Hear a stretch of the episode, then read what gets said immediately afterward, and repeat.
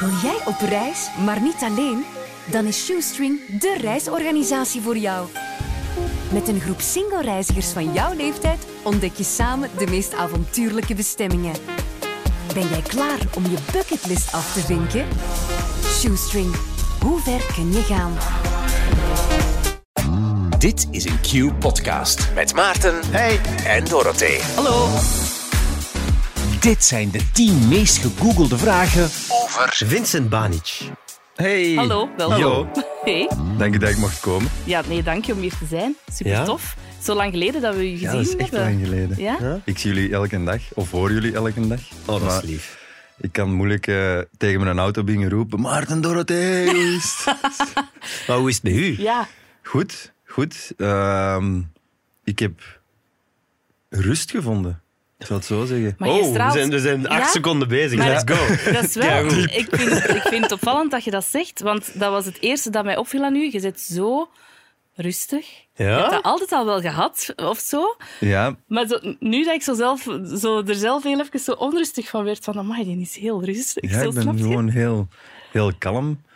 Ehm, ik heb rust gevonden door het feit van de beslissingen die ik heb gemaakt. Ehm, door te stoppen met familie, mij te focussen op één ding.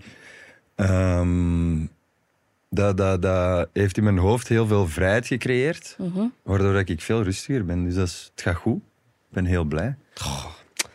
Gaat hier weer zo eh, inspirerend worden. Ik ga ook met alles willen stoppen. Nee, alles. dat willen we Nee, niet, hè, dat het nee. inspirerend wordt. Ah, ja, ja. Jawel, jawel. Nee, maar er direct een andere draai aan geven. Nee, maar Ja. ik vind het goed. Vind het goed. Vind het goed. Gewoon even, hè, in het begin vragen we sowieso altijd even, eh, tikt je soms je eigen naam in, in Google? Dus even zo Vincent Baric, nieuws, afbeeldingen. Eh, ja, ik denk als je in de media werkt of hebt gewerkt, dat je dat altijd wel eens doet uit een bepaalde soort van nieuwsgierigheid. Hm. Om te zien van, wat willen mensen weten over mij? En Ja. is dat wel zo? Dus ja, ik heb dat al gedaan.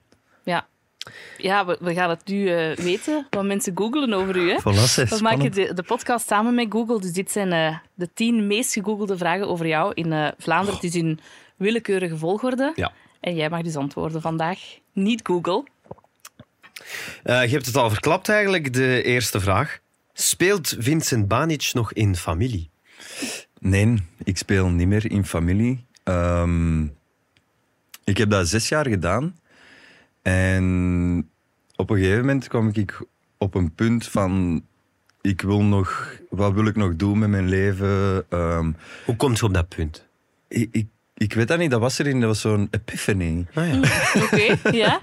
Nee, dat, ik, ehm, ik was wel al langer aan het denken van wat wil ik doen. Ehm, het restaurant werd ook drukker, dat, dat, dat vroeg meer en meer van mij. Ja, uw eigen restaurant, Ja. hè, voor mensen die het misschien niet weten. Yes, Maar, mijn eigen restaurant. Ehm, dat werd drukker, dus ehm, dan begin je eigen zo vragen te stellen van, oh, wat gaan we doen? Wil ik misschien stoppen met, met het restaurant? Eh, verder gaan bij familie? Wil ik stoppen bij familie en me volledig focussen op mijn restaurant? En dan gewoon heel eerlijk en ook lang met mijn vrouw Bab over gebabbeld. Omdat dat voor mij wel een heel goede eh, persoon is om, om dingen bij kwijt te kunnen. Anders zou ik er waarschijnlijk ook niet mee getrouwd Nee, zijn. voilà. Ja. Ehm, maar eh, ja, lange avonden over gebabbeld. En altijd, die is altijd heel open geweest. En die heeft gewoon altijd vragen gesteld van... eh, wat doe je nu het liefste? Ehm vind het leuk om bij familie te zijn? Eh, wat vinden vinden leuker in je restaurant staan? Waar kun je je ei beter kwijt? En dan na heel veel vijven en zessen... ehm, kwam ineens bij mij het ding van, ja, eigenlijk koken is hetgeen wat ik het liefste doe. Familie vind ik ook super leuk om te doen. En ik zeg het, dat was super om daar zes jaar te zijn. Ik heb mijn vrouw daar ook leren kennen. Ehm, we zijn daar verliefd geworden. Dus dat is al één van de dingen dat Ja. ik nooit ga vergeten aan heel die periode. Maar de rest ook super fijn collega's, cast, eh, crew, eh, alles. Iedereen was super tof. Maar ik had echt het gevoel van na zes jaar, oké, ik ga die keuze nu maken om daar te stoppen. Ehm, ook met het feit om, ik wil eigenlijk denk ik nog zoveel in mijn leven doen. Ik, ik heb voor het laatst ehm, een avond in het restaurant samengezeten met een, met een brandweercommandant. En die was over zijn job aan het babbelen en ik had zoiets van, oh ja, dat is misschien toch ook nog wel cool om wel een tof om brandweerman te worden. Wat- Kun je doen als bijberoep, dat, hè? dat, dat kun je doen als bijberoep. Dus Dat is dat in een zo- restaurant misschien wel moeilijker, want in bijberoep is dat wel vaak zo stand-by zijn, Als alles je- laten vallen, vertrekken. Dus dat is Ja. misschien moeilijk als je in een keuken staat, maar... Maar pas op, ik heb een maat die is DJ en die is ook brandweerman. Dus ik kan het nachtleven combineren met... Die zet dan gewoon een, de extended Ja. version van Billie Jean op, die even een Ja, brandblus. exact. Ja, nee, ik Dat is dan toch heel goed plannen wanneer stand-by, Nee, maar ik wanneer denk die kan zo aangeven wanneer Ja. hij beschikbaar is. En dan, Ah ja, voilà. Ja. En dat, dat is zo wat dingen dat, dat ik, in die beslissing, waarom dat ik die heb genomen om te stoppen bij familie, ehm, niet omdat ik het niet meer graag deed, maar ik had zo het gevoel van het is even goed geweest.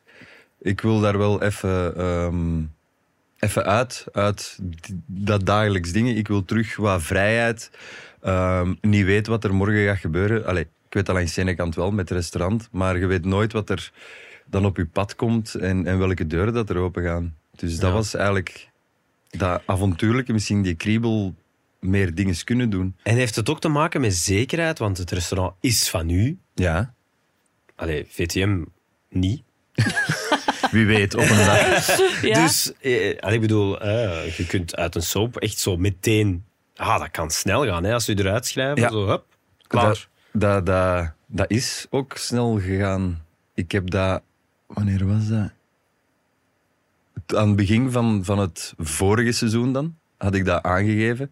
Heb ik met de eh, productie samengezeten en gezegd, kijk jongens, ik wil even... Ik moet bepaalde dingen voor mezelf doen. Want anders kan ik daar voor de rest van mijn leven spijt van hebben. Als ik dingen niet doe of eh, ik zit dan zo in elkaar, ik kan dan wel blijven verder gaan en dan tien jaar later besef ik ineens van, ah, damn, had ik dat dan misschien toch moeten doen? Had ik niet misschien ja. ehm, voor het onzekere moeten kiezen? Want familie was ook een heel grote zekerheid. Zeker financieel, omdat je elke maand eh komen er centen binnen. Bij het restaurant is dat ook wel.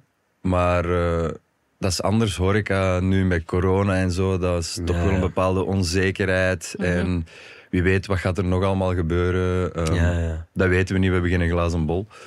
Dus ehm, ja, en dan toch gekozen voor hetgeen wat ik dan in mijn hart voelde dat ik het liefste deed. En dan Maar- ging het dus snel. en dan ging het snel. Ehm, dan hebben wij samen gezeten, heel goed gebabbeld. En dan kwam ineens de verhaallijn eraan dat Guido ook eh, drugs ging beginnen dealen en ehm, uiteindelijk de gevangenis in ging. Dus dat is wel, eh, Ja. wel een toffe verhaallijn om, om Ja. mee te stoppen. Dat is Ja, waar. eh, iemand actie, kan vrijkomen uit de gevangenis natuurlijk. Voilà. Ja, ja. Nee, maar dus, dus gewoon niet, daarmee bedoel ik niet van heb je voor jezelf al beslist dat je ooit terugkomt, maar dat geeft misschien wel een goed gevoel. Het, het, het is iets achter de hand misschien. Ja, of dat is niet het dood. kan. Nee, Guido is niet dood. En dat is ook heel fijn dat de, dat de mensen van, van familie daar ehm, voor open stonden om dat op die manier te doen. Want het makkelijkste is, hup, we schrijven nu eruit, Ja. het personage gaat dood. Maar de deur staat nu nog altijd op een kier, dus er is nog wel, ehm, een, gelijk dat je zegt, een soort van zekerheid. En moest ik ooit een zotte paniekaanval hebben en zeggen, oh, ik weet niet meer wat ik moet doen, kan ik in principe altijd bellen en zeggen: Jongens, wat denken jullie? Willen we nog eens samen zitten om te zien of we daar nog iets van kunnen maken of niet? Ja. Maar voor de moment is dat nog niet zo. Nee, eerst nog brandweer. Eerst man. nog brandweerman. Ja. De tweede vraag, het is al een beetje beantwoord ook. Heeft Vincent Banic een lief? Eh, ik heb zelfs een vrouw. Ja. Ja, dat is heel cool om te zeggen, vind ik. ineens de derde vraag erbij nemen? Zijn Vincent Banic en Bob Bulens Ja, zo gaat het snel gaan, ja. Ik Ja. weet het, maar ja, goed. Hè? Ja, dat is waar. We ja. beginnen bij het lief zijn. Hoe, hoe is dat gegaan bij familie dus? Eh, eigenlijk kenden Bab en ik elkaar al van hier, op de Medialaan, toen dat, eh, Bab bij VTM Kazoom werkte en ik bij Jim. Oh ja, juist. Dat is lang Dat geleden. is al even geleden, ja. Ehm, oh, dat, gaat, dat gaat acht jaar of langer zijn. Zoiets. De early tens. De early, ja. mid tens. nou, Yo, yo, om yo. het zo swagalicious te Ja, zeggen. wauw. Sorry. Nee, maar Zo zoiets, je sorry voor zoiets. zal het wel zijn, hè? Zoiets Ja, ja. gaat dat zijn. En ehm, onze kleerkasten waren naast elkaar. Van achter in een backstage. Wij de- hadden vaak make-up op hetzelfde uur. Dus wij zagen elkaar, we zeiden hallo en we kenden elkaar. Ehm, en dan hier op de kerstfeestjes van de Medialaan, dat iedereen aanwezig was, zagen we elkaar dan ook. Dan babbelden wij wel met elkaar. Ehm, en zo hebben we elkaar eigenlijk leren kennen. Ehm, dan heb ik blijkbaar eens iets gedaan waardoor dat Bab mij niet meer zo leuk vond. Ja, maar... Weet je wat dat is? Eh, Ah ja, tuurlijk. we waren eens buiten aan het babbelen en goh, dat was, ik had toen juist een vriendin en zij, n- zij n- geen vriend, denk ik. Ik weet het niet. En er was wel een vibe, een klik, maar ik heb dat dan op nogal een vrij brute manier afgehouden. En, en dat, Ja. kwam, dat, dat Ja. kwam niet goed over. Dat was waarschijnlijk ook gewoon op mij, maar ik had dat ook gewoon kunnen zeggen van, ik heb een vriendin en Maar ja, daarmee Je hebt het conflict vermijden Ik op heb een het, ja, vervelende manier. op een vervelende manier, Ja, denk ik.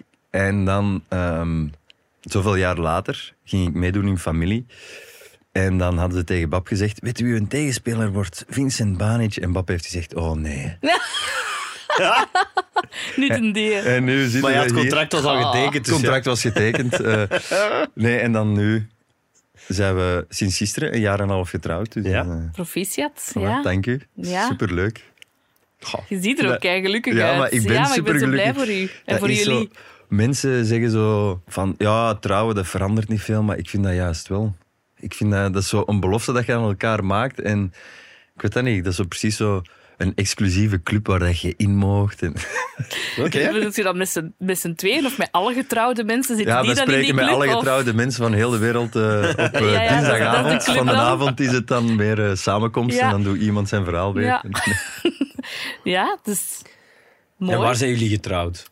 Wij zijn ehm, in corona getrouwd. Eh, gewoon in Antwerpen voor de wet. En we gingen nog een trouw in Kroatië doen, maar door corona is dat niet kunnen doorgaan.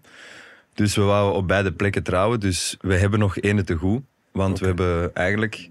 Ja, voor de wet trouwen is gewoon eh, papiertje tekenen. En dat was het dan.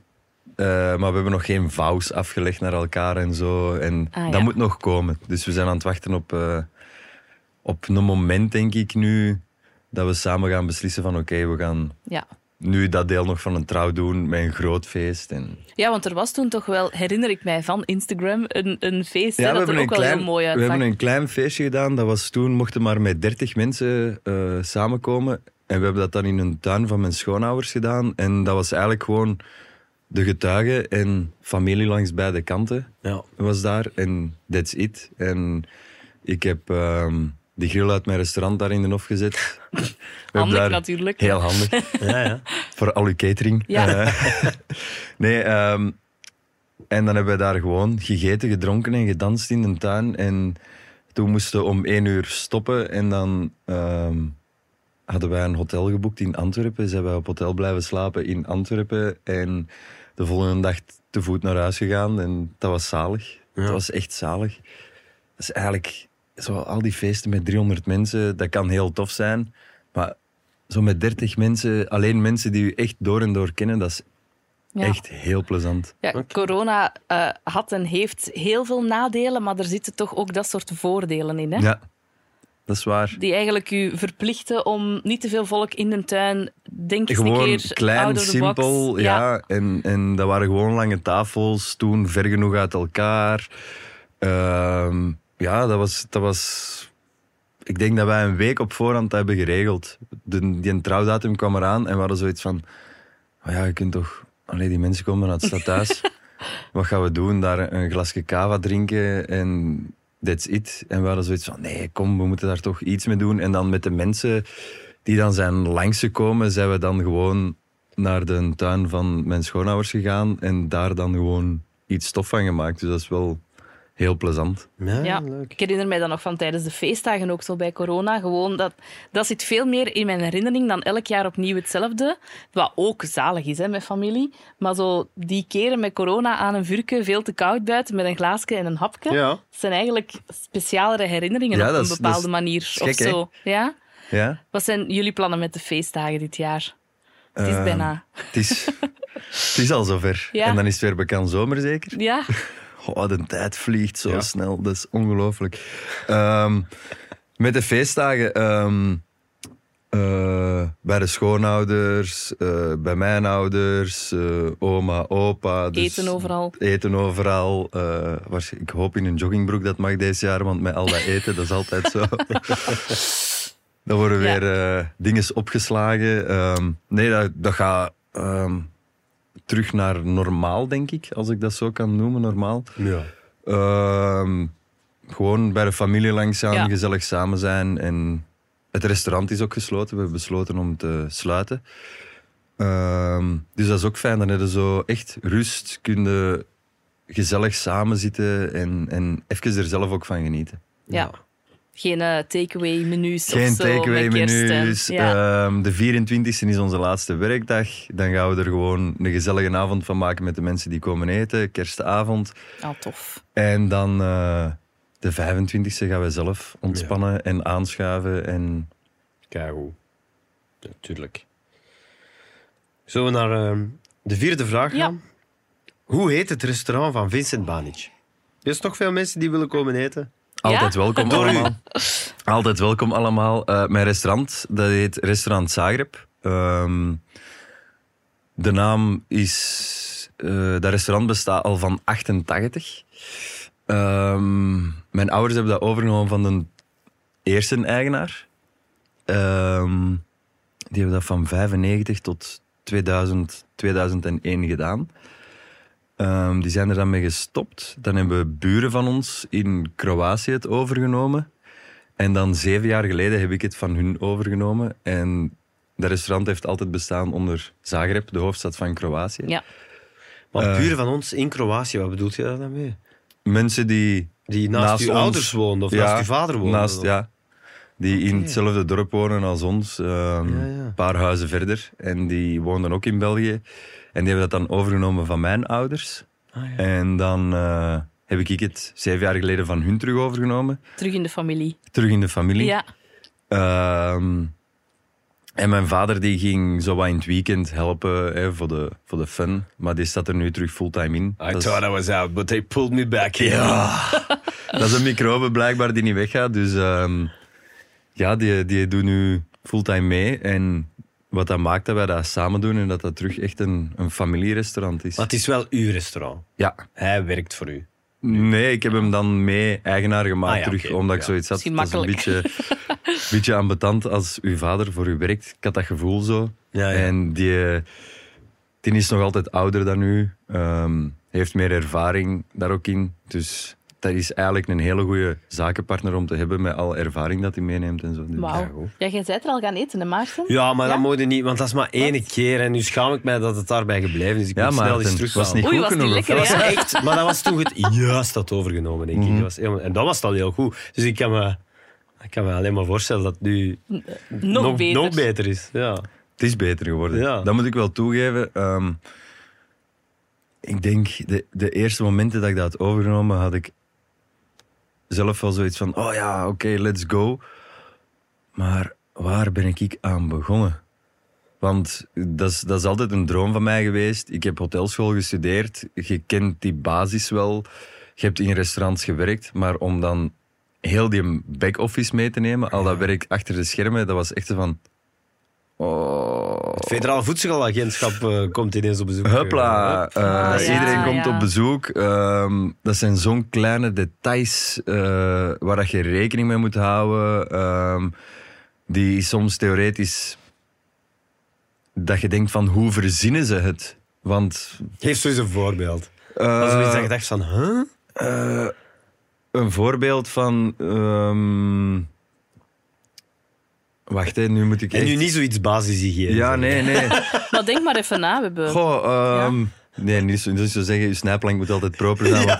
Dat doen wij niet, jawel. Natuurlijk doen wij dat wel.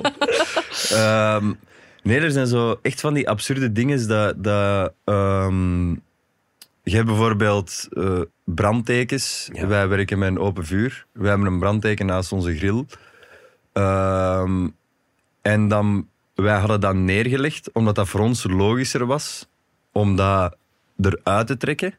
Ja? Als dat neerligt, je trekt dat eruit En ja. en je gebruikt dat. Maar dat moest bijvoorbeeld vast aan de muur hangen. Ah ja. En dan was dat voor ons een beetje onlogisch. Oké, dat hangt aan de muur vast, dus je moet daar...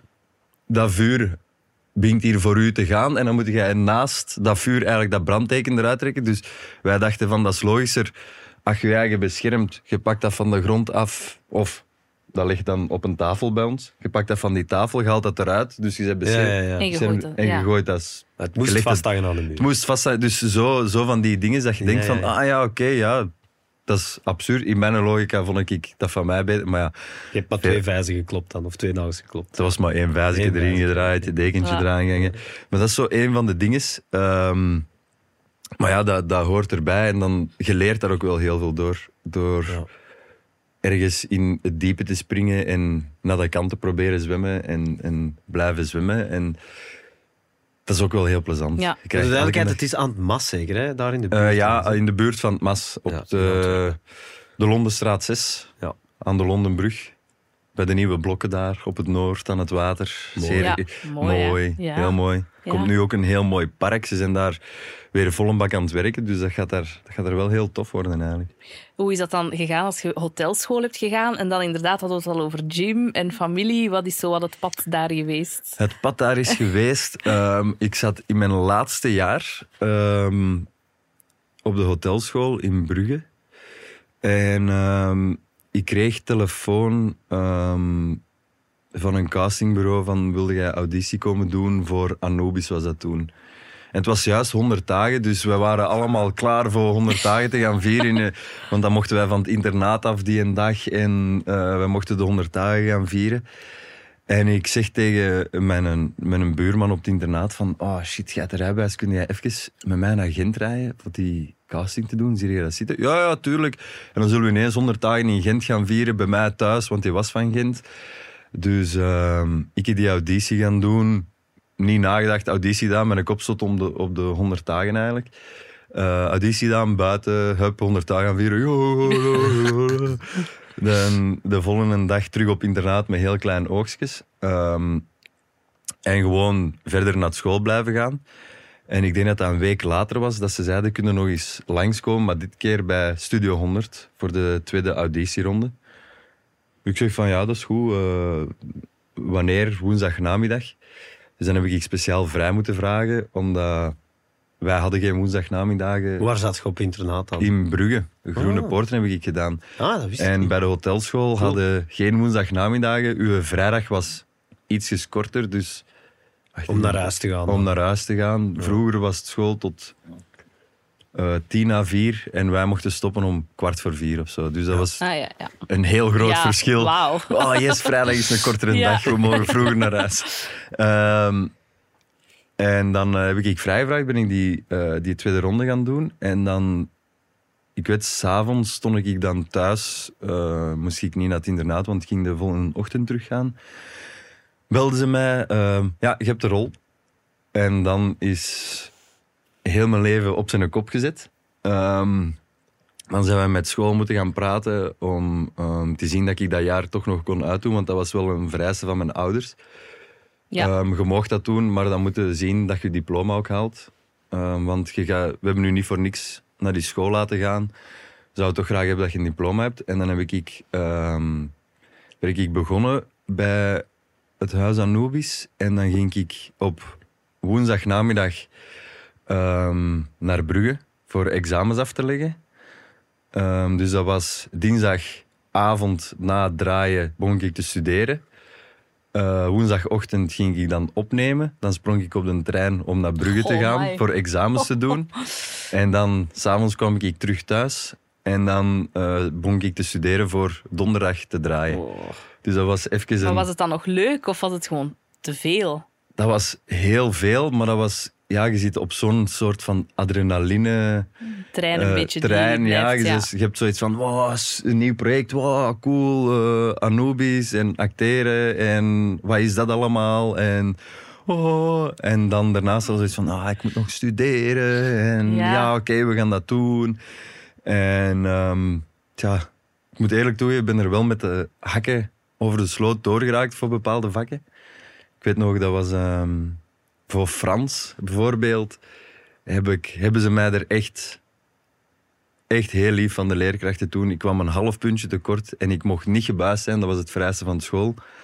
Ehm, ik mocht niet gebuist zijn en ik kwam een half puntje tekort. En toen heeft de lerares mij wel... eh, heeft hij nog eens heel het examen nagekeken en gezegd... Eigenlijk, zij erdoor. Dus dat half puntje, dat Dat was... is wel lief. Ja, dus dat was super lief. En dan Ja. heb ik ehm, nog mijn gip moeten gaan verdedigen.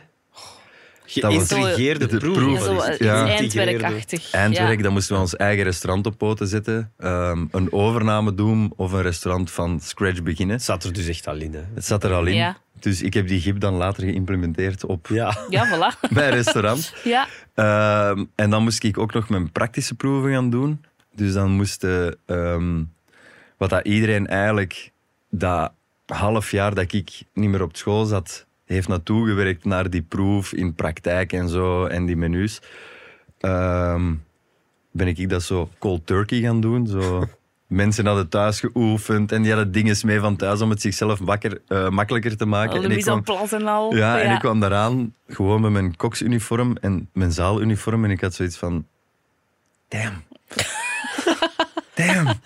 Shit. Ja. Die zijn wel allemaal heel goed voorbereid. En dan eigenlijk zo'n beetje gewinkt. Ik Ehm, was ook zo. en Ja. dat is goed gekomen. En het beste van gemaakt. En, en ja, dat was, dat was wel plezant eigenlijk als ik daarop terugdenk. Dat was zo... Cool. Het klinkt ook wel plezant. Ja, dat was stressy, maar plezant. Ja. En dan eh, tijdens Anubis is dan het modellenwerk een beetje op mijn pad gekomen. Ehm, en dan nadat Anubis gestopt was, daar volledig in meegegaan.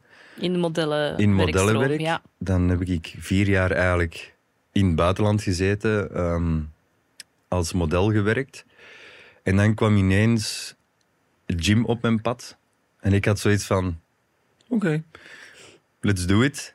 Dat leek me ook heel leuk om te doen. Ehm, Maar je was toch wel een succesvol model toen? Die Ja, jaar. Dat was ja. wel stevig. Wat Ja, heb je maar- allemaal gedaan? Ja. Allee, Ik- voor welke merken? En, en, ik heb ehm, veel gedaan eigenlijk. Eh, ik en heb- was dat ook mega goed betaald dan? Dat was, dat was, ja, dat is, dat is goed betaald, maar je moet wel rekening houden. ehm, het logement, als je bijvoorbeeld in het buitenland zit. Ehm, ik zat bijvoorbeeld, ik woonde in Milaan, Ja. maar dan moest je een huur wel zelf betalen. ja. En het is pas als je werk hebt, dat je eigenlijk een inkomen hebt om je huur Ja, ja. te betalen. Ik had nu een chance dat ik eh, geld opzij had gezet met eh Anubis te doen en zo. Dat ik al gewerkt had. Eh, maar er zijn heel veel jongens die daar aankomen, die niks hebben en die dan hopen van... Oké, ja, ik kan hier een job krijgen, Ja. ik ga daar wel geld mee verdienen en zo alles kunnen doen. Je hebt ook wel je agentschap dat je daar eh, kan in helpen, maar ik, ik heb jongens gezien die gewoon elke avond op rij Aiki-noedels aten, omdat dat het goedkoopste was in de winkel om te kunnen rondkomen. En dan de er- volgende dag zo'n eh, mega chique en dan shoot. de volgende dag een mega chique shoot doen, maar je hebt dan wel huurachterstand. En dan Ja. Oeh, ja. is die, waar is dat geld van je shoot naartoe? Ja, naar je huur. En dan, dat is soms moeilijk om daar uit te geraken. Dus ik had dat geluk wel dat ik reserve had voor, voor Ja. die een huur. En ehm, dan is een bal daar aan het rollen gegaan. Eh, mijn eerste show dat ik heb gelopen was voor Roberto Cavalli en Valentino. Ehm, ik zat in Milan. direct al hele grote namen. Dat was, ja. dat was echt verschieten. Ehm, ik zat in Milaan toen en dan voor Valentino hebben ze mij overgevlogen naar Parijs. Eén dag. Om dan terug te vliegen naar Milaan de dag daarna. Omdat ik daar toen een show in Milaan nog had. Dat was van Neil Barrett, denk ik. Ehm, en dan is dat zo begonnen. En dan heb ik eh, Hermes gedaan. Ehm, ik heb voor Diesel, Dolce Gabbana. Ik heb heel veel mogen doen. Ehm, heel veel mogen rondreizen. Ehm, op een bepaald moment had ik in een jaar ben ik op elk continent geweest buiten Australië. En dat was echt crazy. Dan kwam ik, had ik zoiets, had ik tegen mijn agentschap gezegd van, "Oh, jongens, ik ben echt stiek kapot. Ik ga deze weekend even naar huis, even, pff, geef me drie, vier dagen. Ja, ja, dat is goed, dat is goed, dat is goed. En ik boek mijn ticket. En van het moment dat het ticket geboekt is, krijg ik telefoon. Ah ja, maar... mm, ehm, Diesel heeft u geboekt voor de campagne. Je zou tien dagen naar Colombia moeten voor te gaan shooten. En dan hebben ze zoiets van... Oh, super cool, maar... Oh, ik, oh, ja, en dan Dat het zitten... dan als mens even gewoon heel veel wordt wat gaan doen zitten en al het reizen. Dat het Ja, op soms papier zitten- wel cool blijft. Ik maar doe nu ja. teken. Ah ja, ik doe een teken. Soms zit dat echt boven u zitten. Is u een emmer vol en dan is zoiets van: ik moet even. Maar, dat geldt inderdaad voor, voor elke job. Alleen is het Dat iets is het. moeilijker uit te leggen aan, aan mensen van dat het gaat over tien dagen Colombia. Ja. Maar het komt eigenlijk op hetzelfde Het neer. komt op het is hetzelfde neer. even te Het is- veel, nu niet. Ik denk als jullie bijvoorbeeld ehm, het beachhouse doen, dat is voor jullie ook zo'n intense periode. Dat je, je bent niet thuis. Allee, je probeert naar huis te gaan, maar dan gebeurt er dit waardoor dat je niet naar huis kunt. En Ja. Je zit zo in een flow en, en dat je soms zoiets zit van ah, het is stopt, het is, het is goed geweest. Ja, ja, ja. Maar je doet dat dan en dan... Het is eh, ook wel fijn. het is zo, super fijn om te doen. Het is super cool. Je, ziet, Ja. eh, ehm, je ziet de wereld, maar bij modellenwerk is wel. Je zit altijd alleen op dat vliegtuig, Ja. alleen op die trein, alleen op die hotelkamer, eh, alleen op je appartement. Je leert wel mensen kennen. Ehm, maar je houdt van al die mensen dat je leert kennen misschien één of twee mensen over waar dat je dan echt connectie mee maakt, omdat Mm. de mensen dat je leert kennen is een dag op een shoot, ehm, ja, ja, ja. tijdens een show dat je moet lopen, leer je dan wel iemand kennen. Maar je kunt wel geld sparen om een restaurant te kopen. Bijvoorbeeld. Voilà. Ja. De vijfde vraag. Ja, Komt Vincent Banic uit Kroatië? Ik kom, ja, ik, ik zeg altijd, ik ben 100% Belg, maar ook 100% Kroaat. Omdat ehm, mijn mama is van België, mijn papa van Kroatië. En wij, hebben, wij zijn opgevoed met beide culturen. Mijn vader heeft altijd tegen mij en mijn zussen alleen maar Kroatisch gepraat. oké. Dus dat kun daar- je nog altijd. Dat kan ik nog altijd. Ehm, we hebben daar heel veel familie wonen. Ehm, elke vakantie, schoolvakantie dat wij hadden, gingen wij naar Kroatië. Dus wij hebben... ehm, we zijn eigenlijk op beide plekken opgegroeid. Dus Ja. ik kom uit Kroatië, ja. En ik kom ook uit België. Ja. Ja, het is natuurlijk ook tof om te zeggen, ik kom uit Kroatië, dan weet je dat tankstation in Waarloos op de N19 daarachter ben ik opgegroeid. Als je die afrit pakt, naar links, daar... eh, ik zei altijd waar de Maaspils werd Ja, gebrouwen. voilà. nee, ik zeg het omdat mijn vriendin eh, Ja. is ook vandaar. Jullie Ja. kenden elkaar vroeger. We hebben samen En- nog op de Giro gezeten. Ah, wel, voilà. En, eh, en, en mijn zus is al bij uw, uw grootmoeder geweest Ja. eh, in Kroatië. ja, samen met mijn zus. Die kennen elkaar dan van... Dat is Onze echt- zussen zijn echt goede vriendinnen. Hè? Ja, dat is eigenlijk zot. Dat is zo'n kleine wereld. Ja. Dat, ja, die zijn, die zijn samen al op vakantie geweest en zo. ja. En dus- Naar uw oma, denk ik. ja, inderdaad. Dus, ja, dat moet, ja, ik denk dat dat daar fantastisch moet zijn. Dat is daar fantastisch. Allee, wat zij vertelde toch? Dat is zalig. Wij, alleen mijn oma heeft daar een huis, de tuin, en dan wandelt het poortje uit, het achterpoortje uit, en je zit op het strand. En dat is Ja, och. Wauw. zalig. Dat is tot rust komen. Dat is Ja. het gedacht alleen. Ja. Beter dan achter het tankstation in Waarloos. Beter dan Ja. anders. Anders. ja. Dat- heeft ook zijn charme. Dat heeft ook zijn charmes. Iedereen kent iedereen. Eh, Er was één caféke, iedereen kwam daar samen. Ook fijn, ja. Ook super fijn. vrienden voor het leven. Eh, ja, dat is, dat, is, dat is plezant ook om beide te kunnen, te kunnen ervaren eigenlijk. Dat is, dat is, dat is een, echt een verrijking. Maar goed, de ultieme vraag die zal beslechten waar uw hart ligt. Voor wie heb je gesupporterd? Oh, Gasmeerlap heeft gewoon Ik, door ik had het al een gezien. Kroatisch struiken aan. Dat Onder is, zijn trui. Ik wou vragen voor Modric of Lukaku, maar het was dus Modric. het was Modric. Meen je dat nu? Ja, dat meen ik echt. Allee, waarom?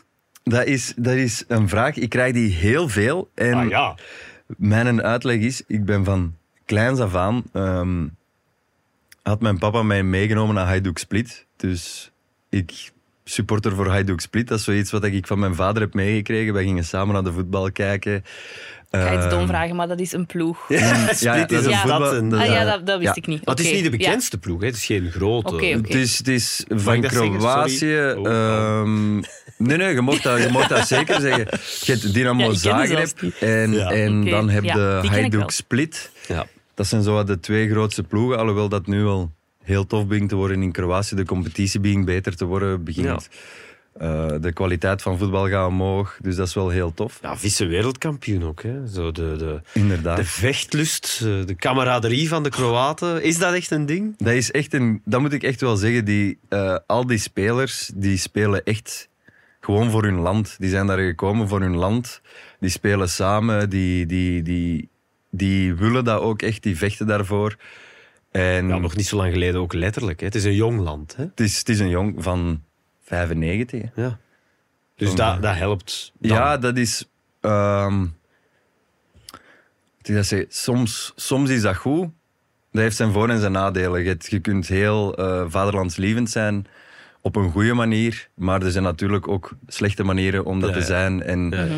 die zijn er jammer genoeg ook. Ehm, maar dat heeft tijd nodig, denk ik ook vooral. Ja. Voor die mensen die, die, die...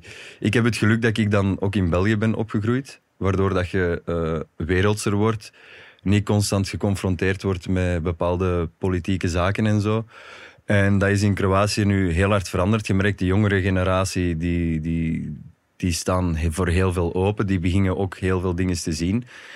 Dus dat, dat, dat is gewoon, dat is gelijk dat je zegt, dat is een jong land. Dat, dat heeft tijd nodig en, en, en ja, dat gaat. Dat is, dat is Maar wel een goede ploeg. Hè. een goede ploeg. Ja, maar ja. Ja, wie weet. ehm, wanneer is de finale van 2K? Wanneer wordt die Eh, gespeeld? Zondag, ja. 18 Zondag? december. En ik denk dat deze aflevering da- daarna online komt. Oh, dus eh, het zou kunnen zou kunnen. dat Dat, jullie je- wereldkampioen zijn. dat zou kunnen. Het zou cool zijn. Het zou cool zijn. Het zou echt cool zijn. Dat, dat moet ik u geven, ja. ja. Nu, ik ben er ook op vakantie geweest. Mijn allereerste voetbaltruiken was een van Davos Soeker. Dus ik heb er ook wel een beetje... Van 98. Ja, 98. Dat ja. waren schoon truikens. Ja, ja, ja. Ik heb Ja. er nog liggen thuis. Ja, ja. Oh. Dus ik, eh, ik heb er ook wel sympathie voor. eh. Ja, wie, wie Kroatië allee, niet, niet kent of niet goed kent, wat zijn voor u de dingen die dat, dat land of die keuken of de, nat- wat, wat maakt het zo schoon? Of, Ehm, wat dat zo mooi maakt, is dat Kroatië ehm, zo verschillend is. Je hebt heel veel invloeden gehad. Ehm, de streek waar wij vandaan komen, Dalmatië, eh, heeft heel lang onder Italië gezeten. Dus je hebt veel Italiaanse invloeden. De Ottomanen zijn bijna tot daar gekomen, dus je hebt die invloeden. Het binnenland heeft lang onder het eh, Oostenrijk-Hongaarse Rijk gezeten, dus daar heb je heel veel invloeden van. Ehm, dus dat maakt bijvoorbeeld puur over eten. Je hebt daar zo'n mengelmoes Ja. van keukens die die mensen eh, hebben zich daar eigen gemaakt. Waardoor dat je in elk deel van Kroatië een andere specialiteit hebt. En dat is anders dan bijvoorbeeld in België. In België kunnen we zeggen ehm frieten, Ja. stoofvlees, ehm, wafels. Dat zijn zo heel specifieke dingen. En in Kroatië ehm, heb je dat in elke provincie, maar elk huishouden heeft van die specialiteit, laat ons zeggen, nog eens zijn eigen specialiteit gemaakt. Dus dat is, dat is Ja. echt dat is super interessant. Je kunt wel creatief aan de slag in de keuken. Je kunt wel... Dat is heel fijn. Ehm, plus, we zitten aan de Adriatische Zee. Ehm, daar heb je heel veel eh, invloeden. Je krijgt er zo'n mediterrane sfeer. Ehm, dus dat heb je ook wel. Dus dat is, dat is, je hebt aan de ene kant de kust, waar dat je dan heel veel vis, pasta, ehm, gerechten op vuur die worden gemaakt. En in dan binnenland echt stoofpotten, bijvoorbeeld een, een specialiteit is. ehm, ergens in het binnenland, ehm, rond Istrië, eh, een stoofpot van berenpoot. Eh, En dat is niet een berenpoot zoals wij hem nee, kennen. nee, dat is niet een berenpoot van frituur. Dat is letterlijk een berenpoot. ja, Op ehm Oké. Brač, ehm, dat is een eiland in Kroatië, heb je, ehm, een specialiteit, dat is muskusrat. Oh, jezus. Dus dat zijn allemaal zo van die ja, uiteenlopend. uiteenlopende Ja. dingen. En er zitten... Kunnen we dat ook eten aan het mas? Muskusrat? Nee, Nee. dat is in België beschermd, denk ik. Ah, dat weet ik niet. Ik dat dat zegt mij vaag ook iets, Ja, maar ja, ik weet niet waarom ik dat zou weten. Maar, Oké. ja. Maar misschien met kerstmis zeggen wij eh, kalkoen Ja, ja. en dan is dat Onder de toog- muskusrat. Onder de toog een Onder de. Nee, nee, nee. nee. De zesde vraag, Ja. daar hebben we het ook al wel over gehad. Is Vincent Banic topmodel? Eh, daar, daar zat je daarnet toen je uw- pad aan het omschrijven. Waar, waarom lacht je? Omdat ik dat... Dat is, dat is zo'n titel, zo van topmodel. Ja, je hebt toch alleen wel wat Ik heb- ik heb- Ik ben trots op de dingen die ik heb gedaan. En als dat dan... Ja, misschien wel. Maar er is nog een toekomst, hè? Allee, je ziet dat toch vaak zo van die, Ik ben wel bezig. 50-jarigen met Ik zo'n ben wel prachtig bezig zilver aan, haar. aan, aan een beetje een relaunch. Ja, echt? Ja. Ik, ik had zoiets van... Wow, laat ons dat eens proberen. We zullen, we Waar- zullen Waar zien. zijn je nu mee bezig? Met, Wat- met, met modellenwerk terug een beetje begonnen. Dat is, eh, En wat moet je dan eh, acteren? Is dat dan opnieuw gewoon shows lopen? Of is dat Dat bijvoorbeeld is, eh, zo uit een jeep komen met jonge kinderen, zoals de coole vader in de bergen? Of... dat kan zomaar zijn, dat zou, dat zou tof zijn. Eh, nee, ik ben nu... ehm, wanneer was het? Vorige... eh, oh, nu moet ik even denken. Was dat februari? Nee, dat was in september. Ben ik eh, samen met Bab ehm, naar Parijs en Milaan gegaan. En Bab moest daar werken. Ehm, en dan ben ik ondertussen mijn agencies van vroeger nog eens afgegaan en gezegd: hey, ik heb terug meer tijd.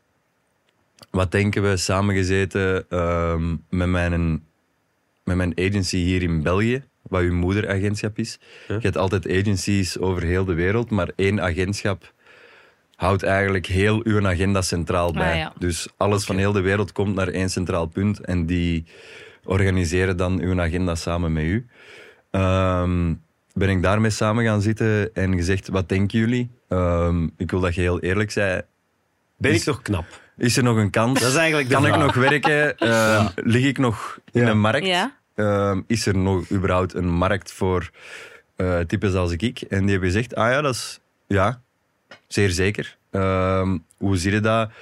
Ik zeg van ja, ehm, laat ons dan de agencies in het buitenland even wakker maken. En dan ehm, ga ik binnenkort terug naar Milaan gaan en naar Parijs gaan om terug even klanten, clients af te gaan en even je eigen te laten zien. Nieuwe foto's moeten er gemaakt worden. Dus dat is nu allemaal zo heel de voorbereiding is Ja, bezig. Zijn dat Maar dan zo jij- wat portfolio-foto's? Maar Ja. jij kunt toch niet tien dagen naar Colombia met dat restaurant? Dat gaat toch niet? Zit je je eigen nu weer niet in de, in de miserie aan het steken? Waarschijnlijk wel. Ja, maar... Ik Je had- ben terug we aan- zijn de podcast begonnen met zo'n moment van... Ja, ik moest me focussen. En dan nog, een half uur later zitten we terug in Colombia voor tien dagen. je wou niet te diep gaan. Nee, eh, dat, is, dat is dus het ding ehm, over die vrijheid waar ik het over had. Ehm, ik heb in het restaurant een, een fantastisch team staan waar ik op kan rekenen. Ehm, als ik bijvoorbeeld iets niet kan door, door zoiets, dan weet ik dat die dat ehm, heel goed kunnen opvangen. Dat die er ook alles aan gaan doen. Dat, dat, dat die kwaliteit goed is, dat alles goed verloopt en zo. Ja. Dus dat is, dat is wel heel fijn. En daar hebben wij ook zeven jaar naartoe gewerkt. Dat, dat je het juiste team vindt. Ehm, dat is niet van dag één gekomen. Ik denk dat de mensen die in een horeca werken dat ook heel goed weten hoe dat, hoe dat zo'n traject eruit ziet. Ja.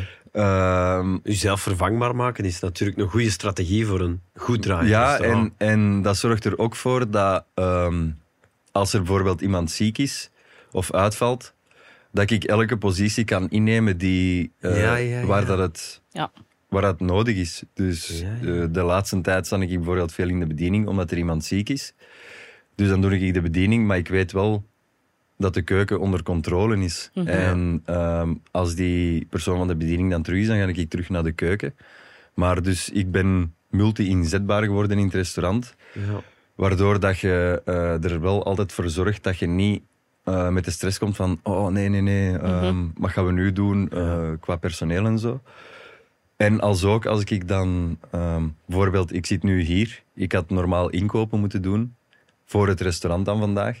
Maar dat is dan weer gecoverd door iemand van het team die dat dan even één dag overneemt. Dus dat is Veel wel- mensen kunnen voor elkaar invallen. Ja, Ja, dus je een bent, geoliede echt, je machine. bent echt een ploeg. Ja, Dus fijn. dat is wel tof. ja. Cool. Ja. Eh, de zevende vraag. Eh, welke rol speelde Vincent Banic in het huis Anubis? Oh, ik speelde Mick Zelenberg. Ja, het Huis Anubis ja, van Studio 100. Ja, Studio 100 en Nickelodeon was het. Ja, hoe, hoe leg je het ook weer uit wat het eigenlijk is? Het is, eh, ja... Ik, Eigenlijk, serie. eigenlijk was dat de eerste ehm, jongere reeks van die, van die een tijd. Je had, ehm, je had Spring. Ehm, en dan hadden ineens het Huis Anubis. En dat heeft zich, ehm, ik weet niet, kennen jullie de Zevensprong? Van vroeger, dat was ook zo'n soort reeks. naam zegt mij iets. Maar, ja. gaat dan Kapitein Zeppels, dat was Ja, ook zo'n ja. avonturenreeks. En dat was eigenlijk Anubis een beetje. Ja, een paar studenten samen en dan gebeuren Ja. er vreemde Dat waren... dingen. Ja. We zaten met achten op internaat. En de vorige eigenaars van het internaat waren archeologen. En die hebben een schat Juist. meegenomen uit Egypte. En daar Ja. rustte een vloek op. En ehm, dan gingen wij met z'n allen uitzoeken wat dat die vloek was. Ik Ja. was... Ik deed niet zozeer mee, mijn personage deed niet zozeer mee aan ehm, die zoektocht. Maar dat was het leuke, je had dat avonturenverhaal en dan hadden ook de dagdagelijkse situaties. Het verliefd worden, het eh, ruzie maken, het uitmaken, eh, op die manier. En dat is blijkbaar nu een hele grote hit geworden. Ja, dat, was is- dat echt is zo.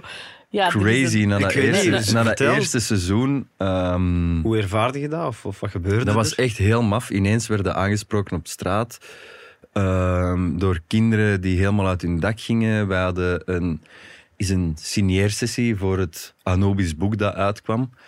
En ze hadden op niet veel volk gerekend en daar stond 3000, 4000 man buiten aan te schuiven. Al die boeken waren uitverkocht. Dat is een beetje in een massahysterie uitgedraaid. Wij zijn op een balkon moeten gaan staan om te wuiven naar de mensen. Dat was echt zo... Shit. Wat gebeurt er hier? Je Ja. wordt ineens... nachtmerrie. Ja, je wordt ineens met security naar buiten geleid, in een auto gestoken, je wordt weggereden. Dat was echt zo van... Wow, wat gebeurt er? En dan was ik altijd blij dat ik ehm, naar dat dorpje achter het tankstation eh, in dat café kon gaan zitten en Ja, even gewoon ja. aarde. Dat Ja. was echt... Even voor Ja, je ja. even ja. zo van... What just happened? Ja. Dus dat is, en dan hebben we daar vier seizoenen van opgenomen. Eh, een theatertour, eh, bioscoopfilms. Dat, is, dat waren vier, vijf jaar van mijn leven dat echt... z- Ik wou knippen. Ja. Eh, zo zijn voorbij gegaan en ineens was dat gedaan. Ehm, dan ben ik, ik beginnen reizen voor dat modellenwerk. Dan is Jim op mijn pad gekomen. Dan ben ik met mijn restaurant begonnen, omdat Jim toen ging stoppen. ja. Dan is familie op mijn pad gekomen en nu zit ik hier. Ja, want het zijn wel veel dingen die zo op uw pad zo komen Ja, of zo. hè. ik- Is ik- dat, terwijl, Heb dat jij ik ooit aan, gesolliciteerd? Ik terwijl ik aan de andere kant wel hoor dat je zelf zegt van ja, maar ik wil dat nog wel graag doen en ik wil dat nog kiezen. En, en, allee, of brandweerman Mhm. of, of ja, het is zo dubbel of zo. ja, het is, het, is, het is... Ik ben heel hard van go with the flow. En ik denk... Ik geloof ook dat als kansen zich aanbieden... Je moet erover nadenken, maar je moet die ook proberen te grijpen. Want eh, ik zeg het, dat modellenwerk, dat is een kans die zich heeft aangeboden. Had ik daar toen nee op gezegd en dat later misschien willen doen, had dat misschien niet meer gegaan. Ja. Ehm, Anubis was zo'n kans. Ik, ik weet dat ik toen op school zat en dat ik in mijn hoofd een totaal andere richting wou uitgaan. Maar die bood zich aan en ik had zoiets van... Ik ben jong en onbevreesd, laten we gewoon gaan. En eh, had die kans zich ooit een tweede keer aangeboden? Dat weet ik niet. Ik denk, ik denk het misschien van niet. Ja. En, en dat is zo in mijn leven. Ja, ik, ik zeg, ik heb geluk gehad dat ik misschien op de juiste plek en op de juiste tijd daar was waar ik moest zijn in mijn leven. En dat dat zich zo eh, verder heeft ontwikkeld. Maar ik heb er ook wel, als ik die kans dan aannam, wel hard voor moeten werken om dat allemaal goed te kunnen doen. Omdat dat allemaal dingen waren die buiten mijn comfortzone lagen.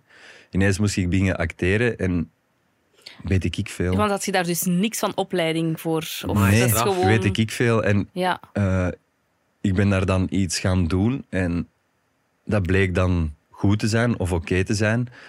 Als ik daar nu op terugkijk, denk ik van, oh Vincent, gaat dat misschien toch net iets meer voor kunnen doen of net meer dit of net meer dat kunnen doen. maar dat is ook Ehm, anders, hè, want dat is nu terugkijken Voilà. op. Dus het is ook super logisch dat je Ja. nu veel meer ervaring hebt dan toen. Want Voilà. En dat zijn dat zo is dingen. normaal, hè, ja. de, de, de, Dat wil niet zeggen dat het toen niet goed was. De ja. gedachte van, konden we teruggaan in een tijd met verstand dat we nu hadden, zouden we het dan allemaal hetzelfde doen? Dat zijn altijd zo die...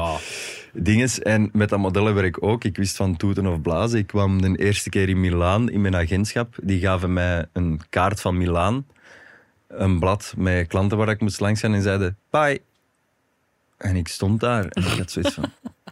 Oké, ik ga een kaart beginnen lezen. Ik had geluk dat wij in de Giro dat wel al eens een paar keer hadden gedaan. Zo, Maar je had helemaal geen opleiding om daar geen te lezen. opleiding. Ik was geen, eh, geen cartoloog. eh. nee, eh, dat, was, dat was gewoon allemaal ongelooflijk spannend. En ehm, ik maakte dan bijvoorbeeld in Milaan mijn missie ervan. Daar stonden allemaal uren op. Eh, je moest om dat uur daar zijn, om dat uur daar zijn. Maar wist ik veel dat dat flexibele uren waren. Dat je zei dat dat logisch was als bij die ene casting heel veel volk stond. Dat dat ging uitlopen, maar dat de andere casting ook dat die nog tijd hadden. Dus ik eh, in rijen proberen voorsteken om al die uren te halen. Echt mijn missie van gemaakt om op tijd te zijn. Om op het einde van de dag thuis te komen, stik kapot en dan te beseffen van... Ah, maar ik heb die gast, die stond ook bij mij in de rij en die is daar veel later aange... Ah, shit. Dat was ook oké. dat was ook oké. Ja, en dan de ja. dag daarna, dan, je dat, dan begin je zo rustig in dat dingen te rollen. Je begint mensen te leren kennen. Je Ja. krijgt een beetje uitleg. En ja, je probeert dan weer te zwemmen. En Zo dan, heftig, hè? zo helemaal alleen, jongen, in Milaan. Helemaal alleen. Helemaal Die jonge alleen. leeftijd, dat is toch... dat, was, dat was spannend, ja. En dan... ehm alle chance kon ik wat koken, dus s'avonds kon ik voor mijn eigen koken. Maar op een gegeven moment heb je ook zoiets van, oh, altijd dat voor jezelf koken. En dan ehm, ga je eens uit eten en dan begin je te merken van, oh, dat is hier een totaal andere keuken. En dan begin je dingen te ontdekken. En dan, aan een bepaald moment ehm, ging ik alleen op restaurant en probeer ik zoveel mogelijk van de kaart te bestellen. En was ik van alles aan het proeven. Wat aan mij dan ook weer heeft geholpen met het feit dat ik dan later een restaurant heb opengedaan. Dus dat was wel heel ja, fijn. en kan, kan elk model dat zo goed veel proeven en smikkelen? Of is dat dan zo'n voordeel van de Dat was- natuur dat jij niet hoeft op te een, letten? dat of- was een voordeel van mijn genen, denk ik. Ja, ja, ja. Er waren jongens die, die ehm, op heel veel moesten letten. Ik had het geluk dat ik op niks moest letten en dat ik gewoon at. Ja. En ik dacht in mijn eigen... Zo'n vreselijk persoon. Heel de, heel de dag, ik ben toch heel de dag aan het wandelen, dus... Oh ja, Ah ja, op die manier. tuurlijk. Want je ja. deed vaak alles te voet en Ja. gebruikte soms wel de metro is, maar dat dan voor twee stops. Mhm. En ehm, ik weet niet, zijn jullie al in Londen geweest? Ja. Ja. Als je daar de metro neemt en je moet bijvoorbeeld ergens zijn, die metro komt in de buurt van waar dat je moet zijn en soms moet je dan nog 20 minuten, een half uur stappen om Ja, ja, bij dat punt te bereiken. Ja. dat is. Dus dat was dan... En dan begin je te merken, ah shit, nu ben ik wel echt te laat te komen. En dan begin je sneller te stappen. Soms is dat een lichte jog. En dan heb je zoiets van, Genoeg nu, nu heb ik toch wel eens een pizza verdiend, of Ja, niet? absoluut. Ja, ja, ja, ja, ja. De achtste vraag. Hoe heet Vincent Banic op Instagram? Vincent Banic. Ja, het zijn Dat waarschijnlijk mensen die in Google intikken Ja. Vincent Banic Instagram om zo door te klikken. Ja, inderdaad. Heb je Ja. veel schermtijd in een week of een dag? Ik kijk daar niet naar. Naar, maar naar niks, ook niet naar Instagram specifiek of niet naar je gsm? Ah nee, of... ik, ik, ik, ik, ik, ik kijk al die schermtijden en zo. Dat, dat kijk. Ah, ik denk zo wel dat ik veel ja. schermtijd heb. Want dat is eh, de vloek van een smartphone, denk ik. Hè? Ja. Dat Mhm. je, Kijk dus, hè. Zo, ik heb hem op vliegtuigmodus gezet. Ah ja, maar ja, gewoon bij instellingen, hè. Ah, instellingen, ja. Instellingen en dan naar bo- zo, zo naar Wacht, onder duwen en dan schermtijd gewoon intikken. Instagram. Wacht, Dus- ik ga- Instellingen zo, en dan zo, Ja, maar het is geen eh, iPhone. zo naar onder. Nee, het is geen iPhone. Ah, oei, dan eh, weet ik het niet. Maar, maar kunnen we dat niet bij Instagram zien? Zo, wacht, hè, dat weet ik niet. Nee, nee, nee. Eh, eh, maar nee. ja, laat het dan maar. Wacht, er staat een zoekfunctie op elke telefoon. Schermtijd. Kijk eens. Scherm, modus, scherm, of time-out, scherm, vergunning. Ik ben daar kei goed mee, dat zie je. hè. Mm, Ook zo als een vraag is gesteld, het antwoord echt willen weten en blijven zoeken Ja, naar waar echt- staat de schermtijd. eh, ik ga dat niet doen, want dan zijn we subiet nog. Nee, Ja. Maar ja, dus gewoon, je ziet wel veel op Veel, je gsm. Ja, ja, dat is ook zo met een compagnon. Als je naar het toilet gaat, dan begin je te scrollen. Hè. Dat is de vervanging van de gazet van vroeger, ze zijn. Ja, Ja, ja, ja. Ja, dus ik denk dat er wel wat schermtijd is. Heb je het gevoel dat je veel deelt over eh, je privéleven op Instagram? Nee, ik ben daar... eh, Nee. Nee? Ik doe dat zo heel sporadisch. Zo soms als ik iets zin heb, dan zet ik iets op Instagram. Of ik ben in een moment zo eh, euforisch, bijvoorbeeld over de voetbal, eh, dat Kroatië naar de halve finale ging. dan zet ik ineens een ploegfoto eh, op mijn Instagram. en dat is dan super slechte kwaliteit. En dan heb ik zoiets van, ah, dus ik had dat misschien beter moeten doen. Maar, shit, Je denkt er daar niet echt over Ja, na. Het nee, is meer ik- in enthousiasme. Ja, dat, ja. dat zijn zo dingen. Ja. En ehm, dan heb je mensen die met je willen samenwerken en dan denk je van, hmm, zou ik misschien niet iets professioneler moeten zijn, maar ja, waarschijnlijk wel. Goh, ja. Maar Maar zit je ook voor het restaurant bezig met Instagram? dat doet mijn vrouw. Die is Ah. daar heel goed in.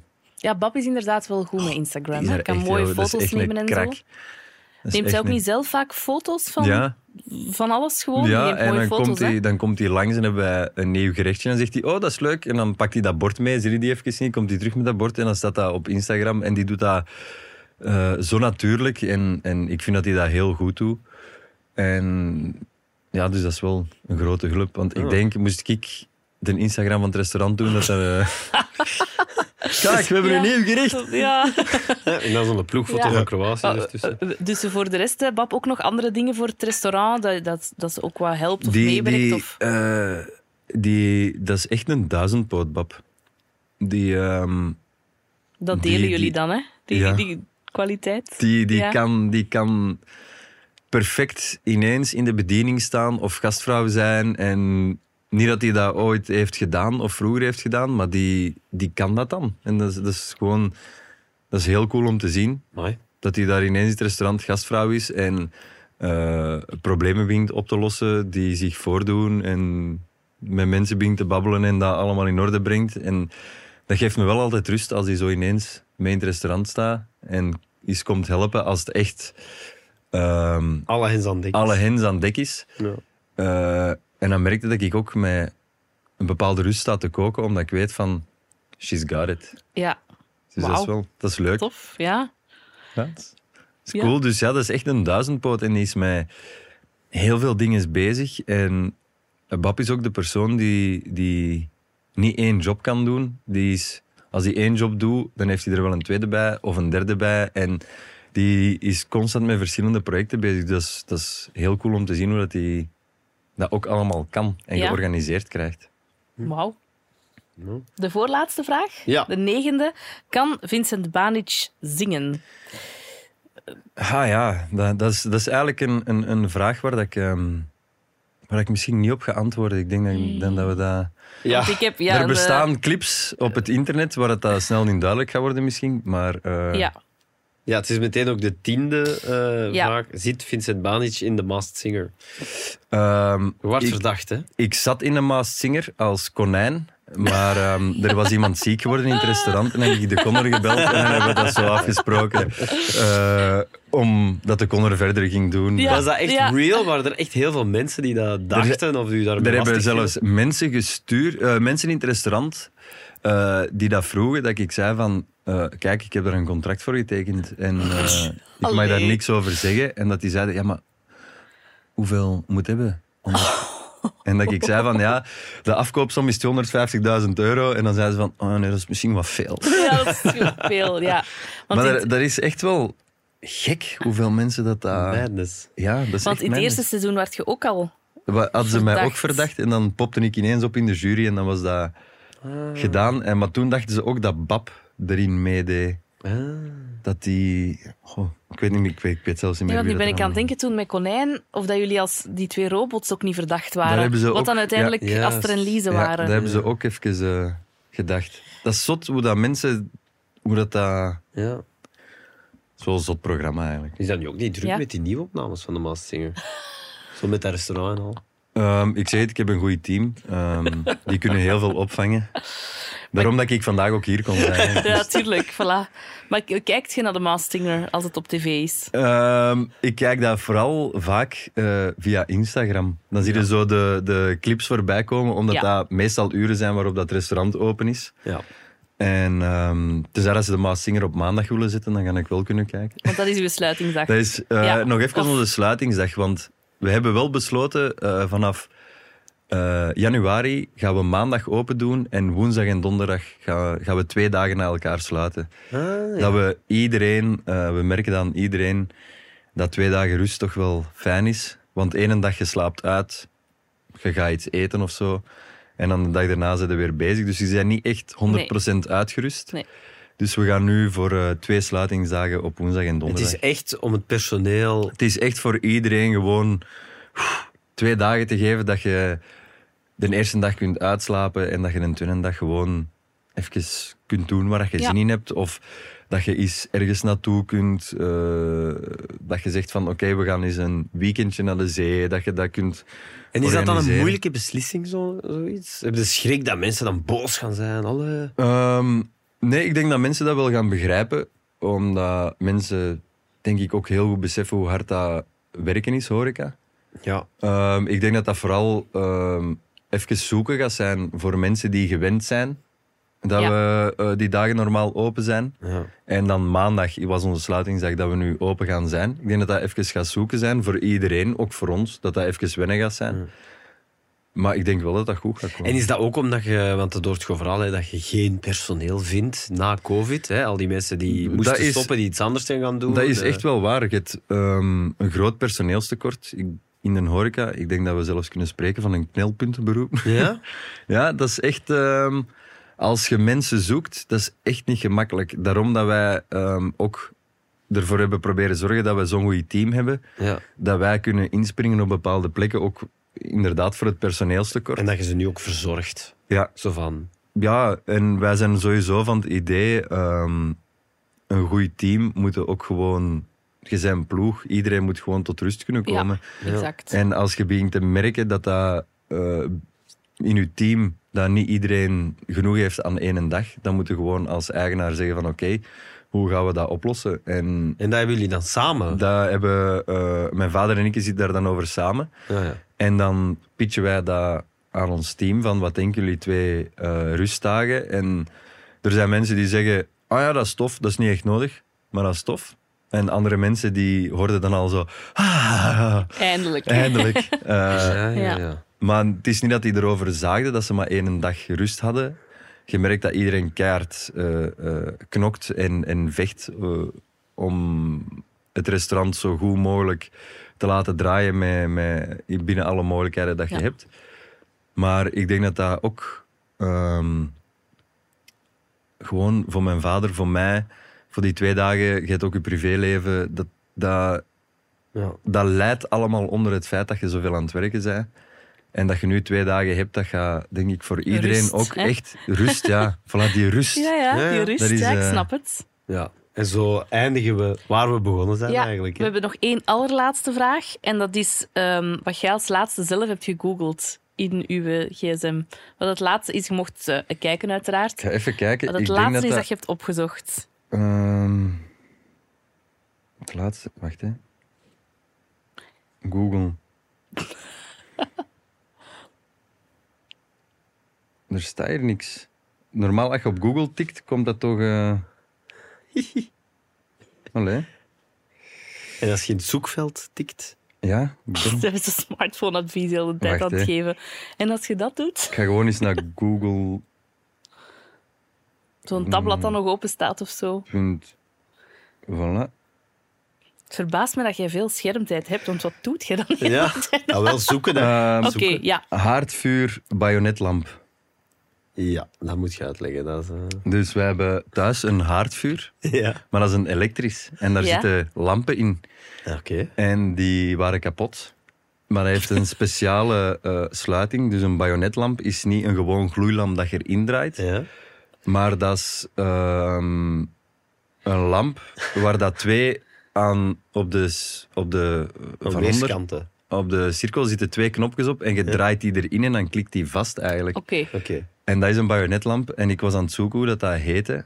En eigenlijk, ik moet toegeven, Bab heeft dat gevonden hoe dat, dat heette, want die is veel beter met Google dan ik. En die heeft dan gezegd hoe dat, dat heette. En dan heb ik gezocht naar het type lamp dat we nodig hadden voor, Om dat te kunnen kopen. voor in de haardvuur te Kijk, steken. voilà. Dat dat terug precies vuur brandt. Ja, ja. Dat toch het valse vuur weer eh Het valse vuur weer brandt. Voilà. Ja. Dat Ja. is Ja, Kijk, goed. kijk, ja. Interessant. Weer iets Dan, eh, bijgeleerd. Een voilà. bajonetlamp. Een bajonetlamp. dan zijn we erdoor, door de tien vragen. Leuk. Merci. Dat Jullie bedankt. fijn. Dat is echt leuk, Ja. gezellig. Misschien voor de mensen die er al een half uur op aan het wachten zijn, nog iets in het Kroatisch om af te sluiten. Hvala što sam mogao doći. Um, Nadamo se da, da se čujemo brzo, vidimo brzo i uh, ajmo Hrvatska. Laatste was, kom aan Kroatië. Ja. Ah ja, oké. Ja, tegen dat dit... En ik eh, heb, ik heb on- gezegd, dankjewel dat ik mocht komen. En ik hoop Oh. dat we elkaar snel en, eh, terugzien en terug horen. Kijk eens. Hetzelfde. Merci, Vincent. Dankjewel. Dit was een podcast van Q-Music. Wil je meer? Wil je meer? Kijk op qmusic.be.